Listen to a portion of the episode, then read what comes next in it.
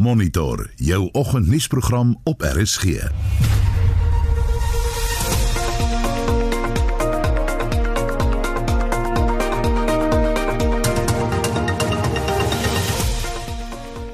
minute oor 6 en in ons program vanoggend, daar is wye reaksie op die staatsrede wat gisteraan deur president Ramaphosa gelewer is. We need vaccines and we need lots of them. Hy het niks niets weer gesê nie. It felt like we were in SONA 2019-2020. Ons praat hierdie loop van die program met verskeie kenners en ontleeders vir hulle mening oor die staatsrede. Die Weskaapse regering het reeds begin met hul eie proses om COVID-19-enstowwe te verkry.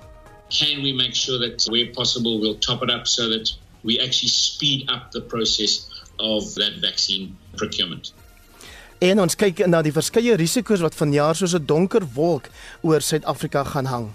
Goeiemôre en baie welkom by Monitor. Ons redakteur vanoggend is Darsten Kennerly, ons tegniese regisseur Lewona Bekes en ek is Hendrik Weingart. Soos gewoonlik hierdie tyd uh, elke oggend kyk ons na wat op die koerante se voorblaaie aangaan. En soos wat verwag kon word, word vanoggend se voorblaaie oorheers deur die nuus oor gisteraand se staatsrede deur president Ramaphosa. Die burger se hoofopskrif: Cyril, ons sal weer as 'n nasie herrys en dit na aanleiding van die president se gebruik van fynbos as 'n metafoor vir hoe die nasie weer op sy voete kan kom. En dan is daar ook 'n storie of die 'n opskrif wat lei teen korrupsie adviesraad sal aan parlement rapporteer. Daar's ook 'n foto van 'n protesoptog wat gister in die moederstad plaasgevind het, een van 'n paar. Dan beeld het 'n pragtige foto van die sluise van die Vaaldam wat gister by Deniswil in die Vrystaat geopen is, die eerste keer sedert 2017. Maar oor die staatsrede lei die opskrif Cyril sê min niet met die hooftemas van die toespraak wat uitgelig word. Die Volksblad lei ook met die staatsrede, maar daar's ook 'n berig oor 'n leeuboer prediker wat drie aanvallers doodgeskiet het. En eh, die hoofopskrif op die Volksblad se aanlyn weergawe sê soos ons fynbos sal SA herrys. Landbouweekblad in hulle nuutste uitgawe berig onder meer oor hoe die swak ekonomie en stygende kospryse verbruikers se kooppatrone verander het en hoe dat die nat toestande en sommige plekke op sommige plekke liewer toenemend probleme skep vir veral grondboon en mielieboere. Maar op die hoëveld waar gesaaides weens te min, maar ook dan nou hier op die hoofveld waar gesaaides weer te min ehm um, weer 'n skade ly weens te min reën. En dan die Independent Media se dagblaaie, die berig ook almal oor die staatsrede van gisterand met die Cape Town wat baie mooi foto het op hulle voorblad van 'n leë nasionale vergadering waar daar gewoonlik 400 LPs is, hierdie keer net 30 LPs en lede van die nasionale raad van provinsies en dan 20 beamptes en gaste onder wie die adjunk hoofregter Raymond Zondo. Nou vir ons SMS vraag van die oggend gaan dan ook oor ons hooftema naamlik die staatsrede gisteraan deur die president en hy het in die rede gesê sy regering sal oor die komende jaar op vier doelwitte fokus naamlik die uitwissing van COVID-19 die bespoediging van ekonomiese herstel, ekonomiese hervormings vir werkskepping en verskerpte optrede teen korrupsie. Vertel ons wat jy van die staatsrede gedink het. Is daar iets wat vir jou uitgestaan het of is sake wat jou na aan die hart lê dalk nie eens bespreek nie? Jy kan ons SMS stuur by 45889 teen R1.50 elk of jy gesels op Monitor en Spectrum se Facebookblad. Anders kan jy vir ons 'n kort stemnota van so 30 sekondes asseblief stuur na hierdie nommer 0765366961. 0961. Die nommer is 0765366961.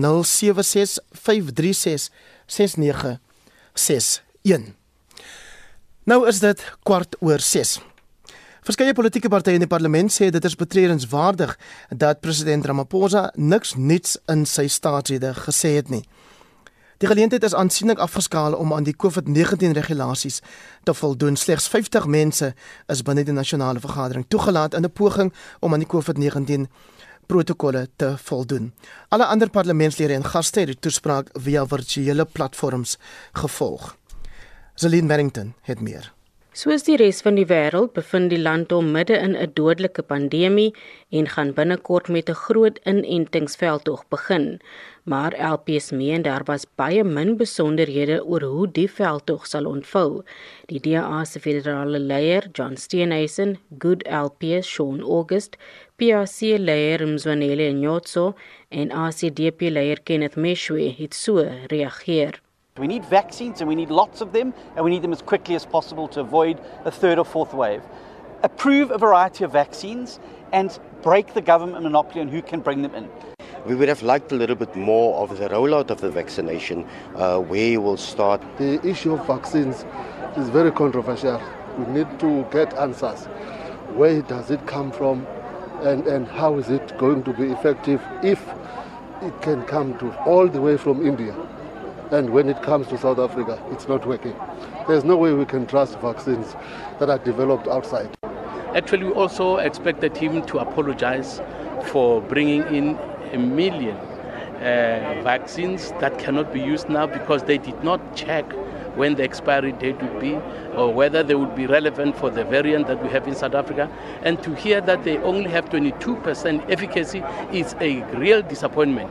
Now we are not sure whether that money is going to be thrown down the drain.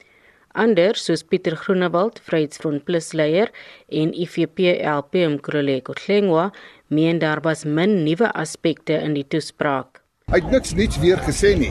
Hy verwys byvoorbeeld na infrastruktuurprojekte. Hy verwys tog altyd daarna. Hy praat van plaaslike produksie wat moet plaasvind. In 2019 met die eerste begin van die jaar se staatsrede, het hy gespog met die pak klere wat hy aan het wat plaaslik vervaardig is. Ons is nog steeds daar. Hy praat net daaroor, maar hy doen nie. It felt like we were in SONA 2019-2020 with a president who was making a pitch for re-election when he's actually in charge. We are trying very hard as the IFP to give the president the benefit of the doubt and believe that his heart is in the right place. But we need deliverables, we need specifics. They were absent tonight. It was quite a rehash.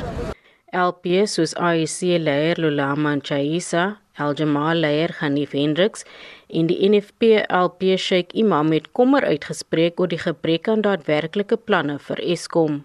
When you say now Eskom will be perfect, will be effective and efficient by year 2050, that's very much interesting. So it's too long, it's too far. But now, as long as there's this load shedding, so the people are not satisfied. People want that there should be no load shedding at all. The president has not given us any assurance and peace of mind that the promises he made in the last order with regard to ESCOM will improve. In fact, it is going from bad to worse. So the country's energy crisis will not be solved by the plans that the president has shared with the nation. That ESCOM's overheads are going to remain, no matter what we say. But what is going to happen is the revenue is going to decrease. What does that mean with the introduction of the IPPs and things? It clearly means that ESCOM will not be able to be self-sufficient and it cannot be a go ongoing going concern.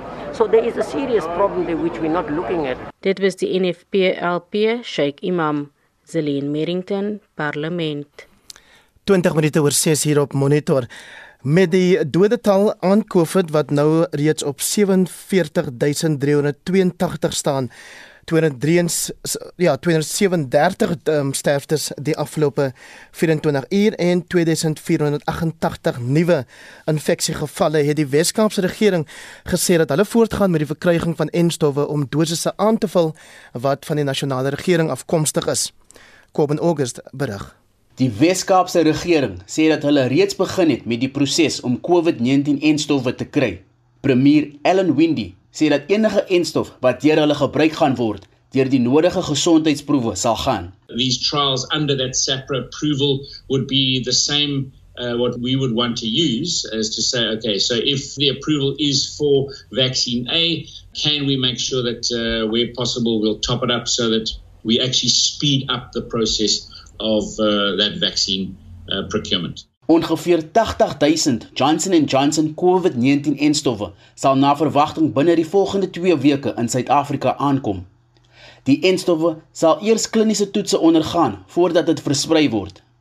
Die direkteur van die Desmond Tutu MEV stigting, professor Linde Gail Becker, sê meer van die Johnson & Johnson enstowwe sal na verwagting later vanjaar in die land aankom. Within two weeks, we'll get another tranche with increasing amounts uh, going up. And we're looking at a number of hundreds of thousands, up to 500,000. So that hopefully will tide us over to the point where we have other vaccines licensed or we have a plan with Covishield, uh, and that's really what we are hoping to do for this interim phase. Die getal aktiewe COVID-19 gevalle in die Wes-Kaap het vir 'n vierde agtereenvolgende week skerp afgeneem. Die provinsie het tans ongeveer 7000 aktiewe sake terwyl opnames en sterftes ook met onderskeidelik 29% en 37% gedaal het. Die hoof van die provinsiale departement van gesondheid, Dr Keith Kloete, sê hulle is gereed om enige herlewing in gevalle te hanteer. The second wave has subsided in the Western Cape. There's a clear decline in cases, hospitalization, and death. Our local teams, though, remain on high alert for surveillance and response, for localized clusters, uh, especially for amongst vulnerable groups. We should remain vigilant and continue to adhere to protective behaviors to reduce new cases, while restrictions are lifted in a phased manner and the real prospect of a third wave. Die aantal aktiewe COVID-19 gevalle in die Wes-Kaap staan tans op ongeveer 6700. Nagenoeg 270 000 mense het positief getoets vir die virus, met ongeveer 253 000 wat herstel het. Byna 11 000 mense is in die provinsie aan die virus dood, terwyl meer as 1,2 miljoen toetse gedoen is. Ek is Coben August in Kaapstad. Nou is dit net verby 26 minute oor 6 hier op Monitor. Dis môre Wêreld Radiodag en die VN se Kultuuragentskap UNESCO het dit in 2011 as sulks geproklaameer.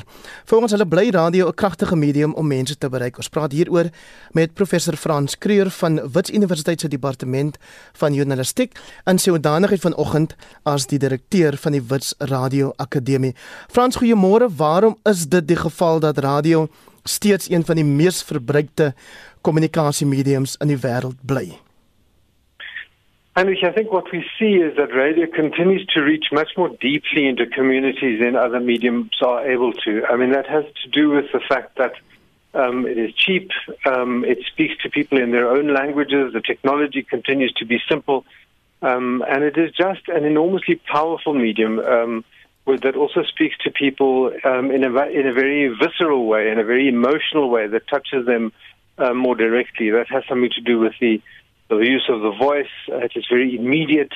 Um, it's very good at, at breaking news. I think in crisis situations, um, and to some extent, I think we've seen that under the COVID crisis. Um, there's a lot of comfort involved, I think, in listening to familiar voices um, in the way that radio does. So, it, as you say, it continues to be an enormously powerful um, medium across the world, particularly in countries like South Africa.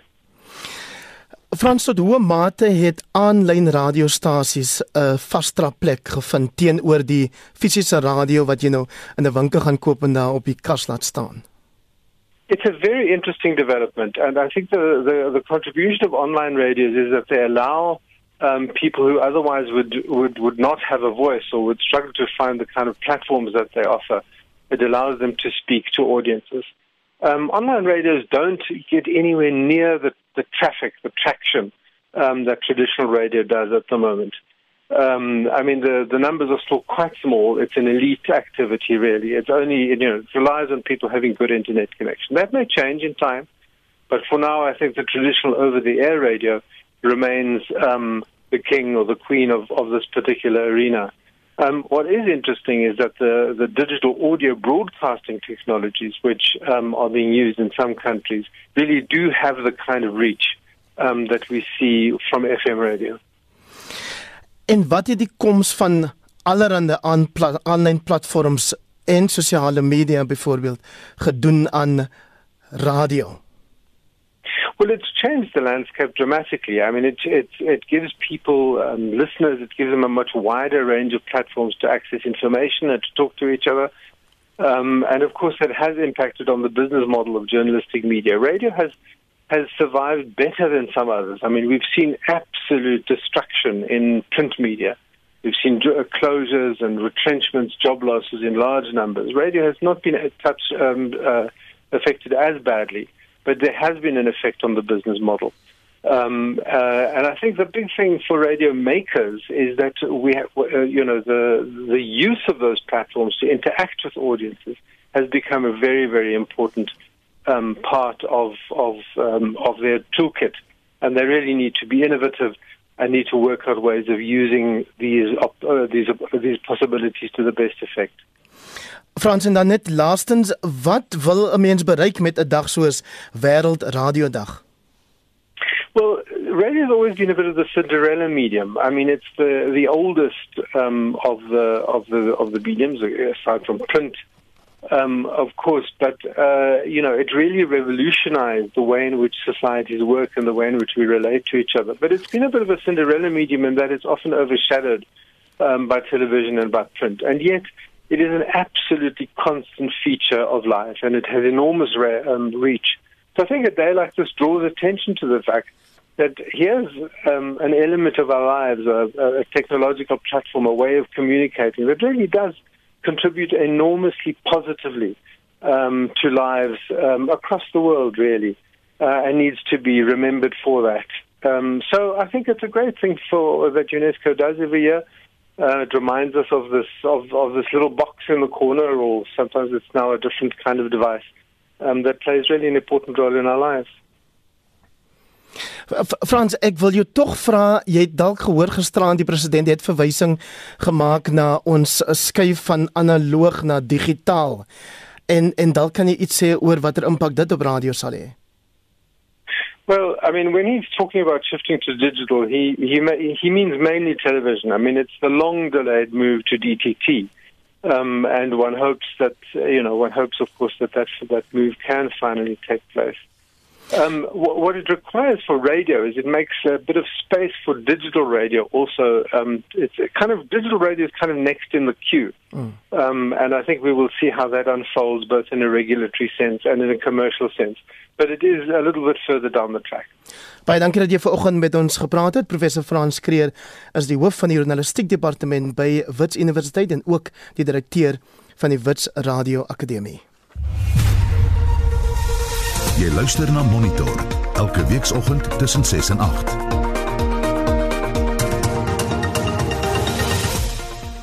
En die 630 hooftrekke die DA sê president Cyril Ramaphosa se staatsrede gisterand het niks nuut opgelewer nie. En die Australiese staat Victoria sal vir die derde keer inperkingsmaatreëls instel weens uitbreking van die Britse variant van die koronavirus. Net hierna Suid-Afrika se prestasie in terme van maatskaplike, ekonomiese en bestuursmaatreëls het glo oor die afgelope 12 jaar erg verswak. Ons praat met 'n risikokenner oor wat ons kan doen om die situasie om te swaai.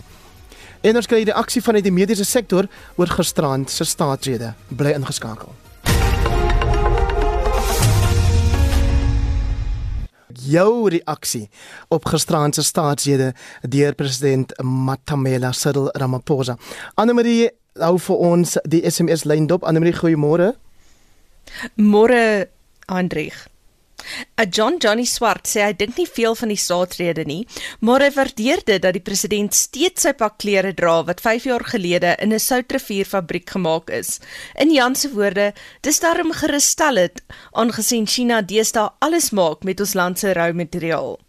Johan Smit sê onder moeilike omstandighede wat niemand ontken nie, het die president voortgeploeter, drome gedroom en eintlik maar bokkerrol gesê. Volgens Annelien Tron Victor is hy teleurgestel omdat die president nie gesê het wat van sy partylede gaan word wat korrupsie gepleeg het nie. Mouen Kiwon meen die president is 'n marionet wat alles doen volgens sy ANC-kader se wense. Inhoudsgewys glo Roan Koetser die president gaan vasval by die eerste belofte van sy toespraak om Suid-Afrika teen Maart 2022 in COVID vry te kry. Joseline Draai Daniel sê sy wens Ramaphosa kon Suid-Afrikaners 'n slag op 'n goeie manier verras. En laastens, Willem de Villiers sê die president het gepraat van 'n vaardigheidsregister wat binne weke gaan bepaal watter vaardighede benodig word en dat daar dadelik werk daarvan gemaak sal word om die nodige vaardighede te bekom om die land reg te ruk. De Villiers sê hy hoop nie buitelandse kibane en Chinese word ingevoer om hierdie take te verrig nie. Gesels saam op ons Facebookblad by facebook.com vorentoe skynstreep ZARSG.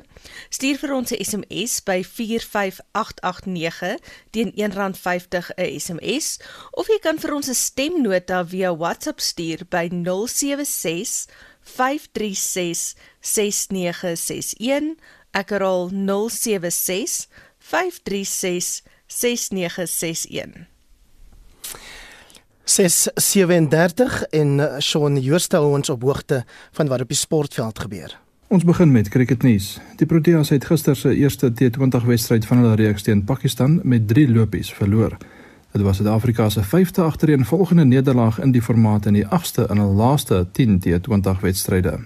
Pakistan het eers gekolf en 169 vir 6 op die tellbord geplaas en die speler van die wedstryd, Mohammad Rizwan, het op 104 nie uit nie geëindig. Suid-Afrika het met 166 vir 6 geantwoord. Risa Hendriks het 54 lopies aangeteken. Wedstryd nommer 2 en 3 vind môre en Sondag in Lahore plaas. Die Windies het dag 2 van hulle tweede en laaste toets in en teen Bangladesh op 223 vir 5 begin. En die tweede van 4 toetse tussen Indië en Engeland begin môreoggend 6:00 Suid-Afrikaanse tyd in Chennai met Engeland wat 1-0 voorloop. Tennis Dit is dag 5 van die Australiese Ope in Melbourne en in die derde ronde van die mansafdeling speel die nommer 15 van Spanje Pablo Carreño Busta teen die nommer 18 van Bulgarië Grigor Dimitrov. Die derde gekeerde Dominic Thiem van Oostenryk stap later teen die plaaslike Nick Kyrgios en die eerste gekeerde Novak Djokovic van Servië teen die 27ste gekeerde Amerikaner Taylor Fritz op die baan uit. Die Suid-Afrikaner Lloyd Harris se volgende wedstryd is môre teen die Amerikaner Mackenzie McDonald en dit is vir 'n plek in die 4de ronde. In die vroue afdeling het Arina Sabalenka, die nommer 7 van Belarus, in twee stelle met die Amerikaner Ann Lee afgereken. Die derde gekeerde Naomi Osaka van Japan meet teen Ons Jabeur, die nommer 27 van Tunesië, en die nommer 2 van Roemenië, Simona Halep, later teen die nommer 32 van Rusland, Veronika Kudermetova, kragte. Rugby. Die tweede ronde van die Ses Nasies toernooi word die naweek gespeel. Engeland kom môremiddag kwart oor 4 op Twickenham in Londen teen Italië. Skotland die aand kwart voor 7 op Murrayfield in Edinburgh teen Wales en Ierland Sondagmiddag 5uur by die Aviva Stadion in Dublin teen Frankryk te staan. Sokker. In gisteraand se 5de ronde van die FA beker toernooi het Southampton vir Wolves met 2-0 en Chelsea vir Barnsley met 1-0 geklop. Bayern München het met die Laure in die Klub Wêreldbeker toernooi weggestap na hulle 1-0 oorwinning in gisteraand se eindstryd oor Tigres van Mexico. Die Egiptenare Al Ahly wat deur Suid-Afrika se Pitso Mosimane afgerig word, het die derde plek uitspelwedstryd teen Palmeiras van Brasilië met 3-2 na uitskietdoele gewen. En in die DStv Premier Liga takel Maritzburg United en Chakuma FC en Stellenbosch FC in Golden Arrows mekaar vanmiddag 5:00. Op die golfbaan is die Amerikaner Patrick Cantlay op 10 onder die voorloper na die eerste ronde van die Pebble Beach Pro-Am. Akshay Bhatia van Indië en Hendrik Norlander van Swede is gesamentlik tweede op 8 onder, met Suid-Afrika se Brandon Grace gesamentlik 62ste op 1 onder. En laastens in fietsrynuus. Die Italianer David Ballerini het gister sy eerste skof van die Tour La Provence in Frankryk gewen. Die plaaslike Arnaud Demar en Nasser Bouhanni is tweede en derde. Suid-Afrika se Nick Lemini het 91ste geëindig. Shaun Schuster, SAK Sport. 640 Suid-Afrika of staan Afrika en meer spesifiek Suid-Afrika op die randjie van ineenstorting wanneer politieke, ekonomiese en finansiële faktore saam in ag geneem word. Ons gesels nou met die politieke risiko-ontleder Gerry Kutse Swart wat die uitvoerende hoof en direkteur is van Acuity Africa Consultancy 'n politieke navorsings- en risikokonsultasie firma hier in Johannesburg. Gee goeie môre. Waaraan ja. skryf jy die situasie wat ons tans in Suid-Afrika be beleef met betrekking tot maatskaplike, ekonomiese en bestuursuitdagings toe? Wel, um, ons het gesien dat president Cyril Ramaphosa se sogenaamde nuwe dagbreekbeleid nie na wense gematerialiseer het in ten opsigte van om die land se uh, talle ekonomiese, politieke en sosio-ekonomiese krisisse op te slaan nie. Ons het gesien vir die afgelope 26 jaar dat die ANC uh, ten spyte van al hierdie veelvuldige politieke en ekonomiese krisisse um telke male verkiesings gewen het sonder enige nagevolge by uh, die tyd wanneer verkiesings plaasvind. So um, die president uh, se hoop van 'n sogenaamde new dawn het nog nie gematerialiseer nie en is natuurlik ook in die skadu geplaas van oud president Jacob Zuma uh, se staatsska uh, staatskapingsskandaal wat wat tans uh, ook sterk um, op die agtergrond heers. Gerry, watter ander faktore reken jy naas die Zuma jare mhm. het hierdie probleme veroorsaak.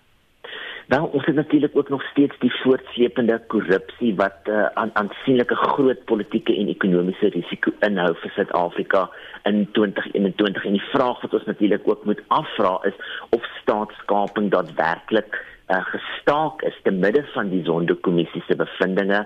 Ons sien ook dat Suid-Afrika op uh, verskeie vlakke 'n aantal politieke risiko's in die gesig staar die beerkragkrisis uh, van Eskom wat die ekonomie telke male lam lê, um, swak infrastruktuur wat wat uh, tans in duie stort, um, swak onderwysstelsel uh, en natuurlik ook ander reputasionele skade wat wat berokken word aan die land as gevolg van die staatskapingsonthulings wat tans plaasvind en natuurlik ook die druk op die president om um, hierdie onthullings um, met daadwerklike vervolging um, en arrestasies uh, ook uh, te boekstaaf. Jy deel 'n naam met 'n voormalige wêreldswaargewig bokskampioen Gerry Coetzee. Reken jy dit is in uh, die president se vermoë om hierdie reputasieskade gedurende sy termyn 'n uitklop uit te gee? Wel, dit hang natuurlik af of die president daadwerklik gaan optree teen die korrupte elemente binne die ANC en binne sy eie party. Ons weet natuurlik hy het in Augustus 2020 uh, 'n uh, anti-korrupsiebrief aan die party gerig waar hy hulle die leviete voorgeles het. Maar as die president nie daadwerklik oorgaan om al die al hierdie korrupte elemente binne die ANC uh, die trekpas te gee nie gaan die uh, eh, ANC se reputasie um groot skade ly en natuurlik ook die land se se reputasie as die president nie uh, teen korrupte elemente daadwerklik optree in 2021 nie. Was daar vir jou rede in die president se staatsrede rede om optimisties te wees? Wel ons ons sien natuurlik dat daar 'n baie sterk laaste fokus was op uh, prioriteite om natuurlik uh, COVID-19 te beveg, um, ekonomiese herstel te bespoedig, ekonomiese hervorming en volhoubare werkskepping daar te stel en natuurlik ook om korrupsie te beveg. Daar is positiewe elemente wat die president op uh, gesin speel het rondom die implementering van 'n nasionale teenkorrupsie strategie, 'n teenkorrupsie adviesraad en wat vir my natuurlik baie positief was, is die daarstelling van 'n moontlike onafhanklike teenkorrupsie liggaam wat verantwoordbaar direk aan die parlement sal wees.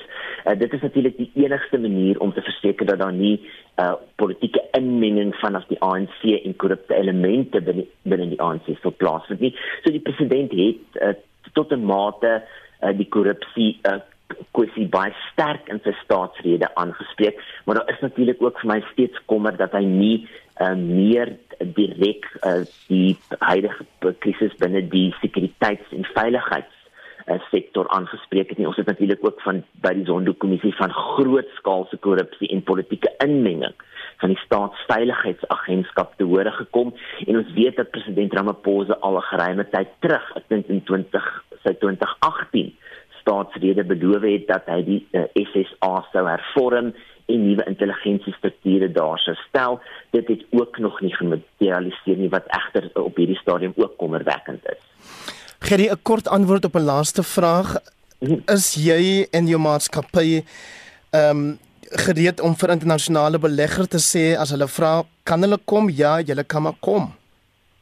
Wel op die oomblik dink ek is internasionale beleggers nou nog steeds redelik bekommerd oor die korrupsie en die staatskapingssituasie en om eerlikwaar vir jou te sê het president Cyril Ramaphosa nog nie daarin geslaag om 'n beleggings 'n uh, omgewing te skep waarin beleggers onombonde kan glo nie. So ek sê beleggers gaan nog steeds kyk en sien of die president woord by daad gaan voeg en daad by woord gaan voeg om uh, korrupsie in hierdie situasie uh, te probeer omkeer. Uh, teen daai tyd hoop ons dat beleggers meer vertroue in Suid-Afrika sal hê, maar op die huidige stand sou ek sê dat beleggers nog steeds baie baie skugter sal wees om te belê in Suid-Afrika en sy korrupsie en die politieke onverdraagsaamheid situasie nie daadwerklik aangespreek gaan word nie. Baie dankie vir jou insigte vanoggend. Gerrie Kutse Swart is 'n politieke risiko-ontleder van die maatskappy Acuity Africa Consultancy.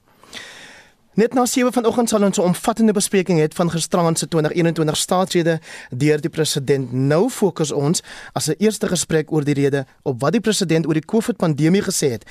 En hiervoor kry ons kommentaar by Dr. Angelique Kutse. Sy is die voorsitter van die Suid-Afrikaanse Mediese Vereniging.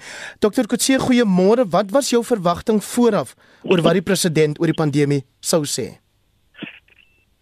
En nie verwag het hy veel meer gaan sê as wat hy gesê het nie, omdat ehm um, jy weet dit is maar redelik ek kan amper sê straightforward. Jy weet ons moet geïmmuniseer word ons moet die regte vaksines kry. Ons moet seker maak dat die privaat sowel as die publieke sektor dokters geïmmuniseer word en dit is nog steeds my groot kommer. Um, want hierdie hierdie uh, jy weet um, planne wat wat ek hoor en luister ehm um, dit, dit dit is nie heeltemal vir my ehm um, weet 'n uh, uh, um, 'n oop speelveld tussen die publieke sektor en die private sektor ten opsigte van immunisering vir die gesondheidswerkers nie. Um die ding is, jy weet hy hy, kan sê wat hy wil van die van die pandemie. Die pandemie hardloop sy pad. Ons weet wat daar moet ons weet wat gaan kom, ons weet wat moet gebeur. So dit is nie regtig dat dit iets nuuts is of enige iets nie. Ehm um, so die vaksinne is maar is is die probleem op hierdie huidige stadium. Maar ehm um, jy weet ons kan vaksines inbring soveel as wat ons wil as ons nie die ehm um, publieke sektor se gesondheidstelsel in 'n op 'n baie beter plek gaan kry vorentoe nie, gaan dit ons ook nie baie help nie. So as jy weet ek het baie keer gesê we must do it. Ehm um, vir my is daar 'n groot verskil tussen we must and we are going to do it. Mm moes hy pertinent die president gisterand verskoning gevra het vir die boggerop met die AstraZeneca enstof.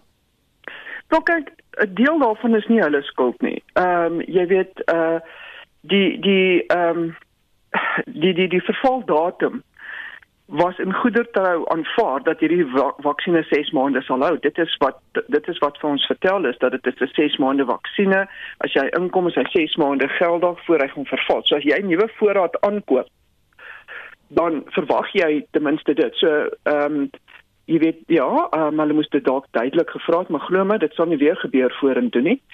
Ehm um, so daai is nie regtig sy skuld waarvoor hy daarvoor moet onverskoning vra nie. Dan die series wat uitgekom het, ehm um, soos wat ons nou almal weet, ehm um, wat nie regtig ehm um, baie bewyse het teen ehm um, ernstige siektebeeld nie. Nie regtig sy skuld nie, maar maar, hier's die maar ons moenie in dieselfde slaggat val met die Russiese enstowwe en die ander enstowwe nie. Ons moet mos nou gaan leer hmm. uit die AstraZeneca. So as ons geen lesse uit die AstraZeneca uitneem uitneem nie, dan gaan hy moet begin om verskoning vra. En dit het 'n mens nie gehoor gisteraan dat hy gesê het toe hy met groot opgewondenheid aangekondig het dat ons nou 9 miljoen dosisse van Johnson & Johnson bestel het waarvan 80 000 reeds volgende week afgelewer word en dan ook die bestelling uh, van af Pfizer nie. Wat hulle ook nie gesê het nie is dat hierdie enstowwe wat nou kom, slegs 'n derde op hierdie stadium gaan na die private sektor toe, twee derde gaan na die publieke sektor toe. Angelique, gaan ons genoeg mense ingesent kry voor die winter aanbreek? En indien nie, wat se risiko hou dit in? Nou, ons is almal bekommerd dat ons twee 'n derde vlak in die winter gaan gaan aanbreek. Wel of die winter of na Paasnaweek. Dis een van jy weet uh, dit is sal interessant wees om te sien wat wat daar rond gebeur. Ehm um, as ons nie gaan inent nie, wel ons bly by die maskers en goed, dit gaan ons dit is ons nuwe leefstyl vir nou. So ehm um, die kans dat ons uh, klomp mense aangeënt gaan kry voor ehm um, voor die winter kom is is is so 50 50%. Ehm um, ons hoop dat dit nie dat ek verkeerd is. Dit sal altyd goed wees as ek verkeerd is in hierdie geval. Ehm um, want dit kan dan net tot ons voordeel strek. As ek reg is, dan is dit wat dan is dit nou maar nog steeds ons voorland. Het jou ore gespits toe jy die president hoor hulde bring aan ons land se wat hy genoem het briljante wetenskaplikes anders as ander staatshoofde in ander dele van die land of van die wêreld liewes? Ja, dit was nodig en ek dink ehm um, jy weet dis dis nodig oor twee redes. Eerstens, ehm um, ons het regtig baie goeie wetenskaplikes in ons land, ons wetenskaplikes in ons land en ek wil ek wil ek wil so ver gaan om te sê ons het top dokters wat net wat wetenskaplik is, is maar mediese dokters mm. in ons land. Ehm um, ons ehm um, ons land is eintlik 'n uh, baie gesogte uitvoerproduk van van dokters in na ander wêrelddele toe. So ons ons het regtig baie baie baie goeie ehm um, dokters en en en en en uh, wetenskaplikes in die mediese wêreld. Maar ehm um, jy weet dis ook nodig nadat hulle die ehm um, voorstel ondersteun het van Noorwe om die Kubaanse dokters ehm um, die die die die ehm um, Nobelprys te gee. Dink ek is dit net net goed ook om daarom net bietjie na ons dokters ook vir ons dokters en ons wetenskaplikes te sê dankie. Julle doen 'n goeie job. Baie dankie ook vir die goeie job wat jy doen Dr. Angelique Kutse is die voorsitter van die Suid-Afrikaanse Mediese Vereniging. Ons bly by die onderwerp van gisteraand se staatsrede, die horlosie nou op 6:52 en ons kry reaksie uit die burgerlike samelewing en vakbondwese van Flipbuys. Hy is die voorsitter van die Solidariteit Beweging. Flip, goeiemôre. Noem asseblief drie bekommernisse wat jy sou wou hê die president moes aanspreek gisteraand. Wel, ehm um, Heinrich, dit was maar 'n baie middelmatige staatsrede en ek dink die groot donker wolk wat oor die staatsrede gehang het, is die geloofwaardigheidskrisis van die regering en uh die vertrouenskrisis wat daaruit voorspruit van die van die burgery. En dit gaan daaroor dat die beloftes wat al sal soveel keer van vooraf uh weet vorige vier staatsredes gehoor het dat dit baie van dit maar net weer herhaal is en dat ek dink ons almal weet uit op hierdie stadium dat daardie uitsprake word uh, weerspreek deur die uitkomste. So ons sal ons sal nie net wil weer gehoor het van beloftes wat gemaak word oor korrupsie en oor die openbare ondernemings en dat uh, dinge weer gaan gebeur ou beloftes wat weer opgewarm is oor elektrisiteit en so aan nie. Mense nou lankal al wel aksie gesien het, jy weet, en en dit is eintlik baie hartseer want dit weerspieël eintlik die stand van die land na 27 jaar van ANC regering. En die simbool hiervan vir my was dat ons het gelees dat dit die duurste staatsrede ooit was omdat dit is daar's 20 miljoen diesel gebrand sodat die mense die staatsrede uh, dan kon luister. So dit is eintlik baie baie hartseer. Uh, uiteraard sou mens nie net wou gehoor het weer van korrupsie en van dit gaan die ekonomie gaan hervorm word nie en massiewe ekonomiese hervormings nie. Weet mense sal nou wou gehoor het wat is gedoen. Nie elke keer net wat gaan gedoen word nie. So ehm um, uh mens moet besop dat jy nie moedeloos raak oor hierdie tipe van goed nie want uh, uh regtig 'n mens kan nie meer glo wat daar gesê word nie. Vier fokusareas of prioriteite is deur die president beklemtoon flip ekonomiese ja. groei, werkskepping, die uitwissing van korrupsie en natuurlik waaroor ons nou met Dr. Angela Kutse gepraat het, die afreken met die COVID pandemie. Wat sou jy byvoeg ja. of weghaal? Kyk, ehm um, jy weet dit is dit is weet mense is nie seker wat om te glo meer as hulle nou praat van die inentings in Swanie want ons weet al almal wat daarmee gebeur het en daar nog steeds word daar vasgeklou aan die staat se beheer oor die tipe van goed. As hy gister gesê ek sou wou gehad het hy moet sê weet jy wat hulle gaan nou die dit vir die privaat sektor gee. Dis nie die taak van 'n staat om uh, entstowwe te versprei nie.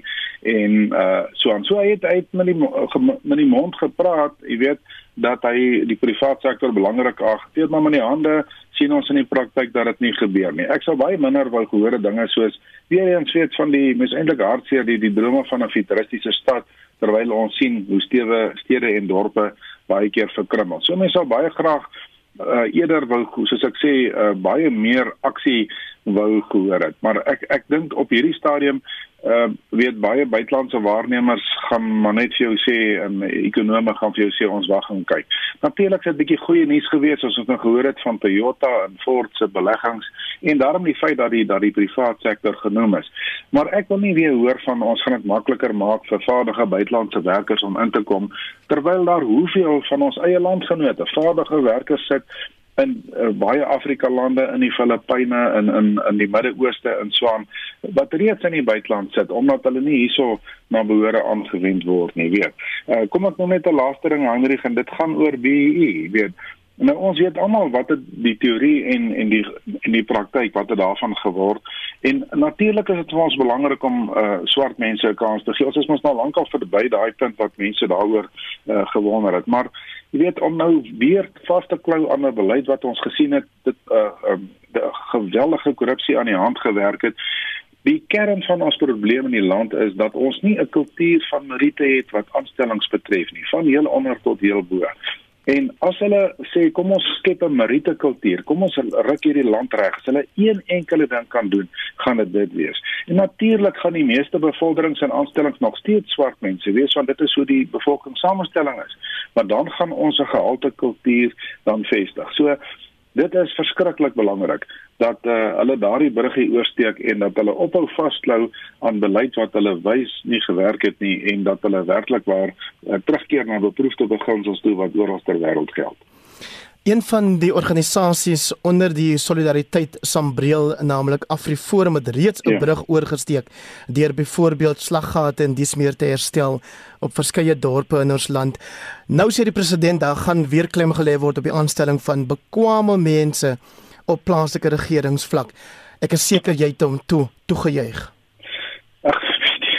Ja, dit dit, dit is eintlik hartseer weet dit dit my dink aan wat Johannes Kerk orgel sy liedjie wat hy gesê het, sit dit af, sit dit af, jy weet.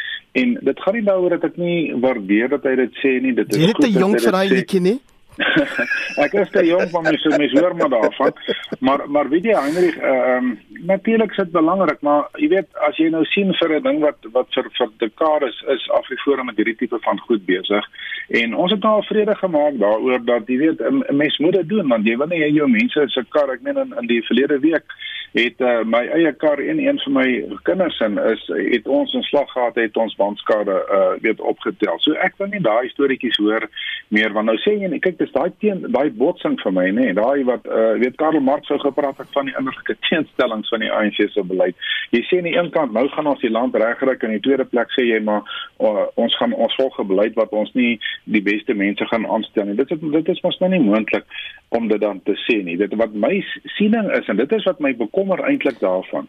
My siening is dat dit is eintlik 'n uh, poging om vir die vir meneer Ramaphosa self en die ANC om aan mag vas te klou deur kooptering met die klem op die koop. Jy weet jy gee vir die vir die ryk mense in die land, die uh, ANC ondersteuners uh, gee jy dan black economic empowerment, jy gee vir die middelklas beloof jy affirmative action en vir die uh, arme arme mense beloof jy welsyn Ehm um, en en weet en so jy koop eintlik die die daai drie belangrike groepe se se ondersteuning, jy sorg dat jy bewind bly, maar die mense wil nie wel sy hê nie, die mense wil werk hê. En om werk te van kan skep in hierdie land is nie moeilik nie. Daai resepte is oral ter wêreld al oorbekend en dit is maak die handrem van die ekonomie los, kry die staat uit die ineenkamer uit. Die staat en, en dit is meer om 'n pose onderliggend klou en nog steeds vas aan daardie ou uh, uitgediende beleid wat in die 60er jare al misluk het, naamlik dat hulle dink die staat is die broodwinner en terwyl ons sê die staat moet net die huishoudster wees. Flip, ek kan hoor jy's nog lank nie uitgepraat oor hierdie onderwerp nie. Ons sal weer aan jou deur klop. Flip Buys is die voorsitter van die Solidariteit Beweging. En dit bring ons by 7 uur. Esai Kahnis, onafhanklik, onpartydig.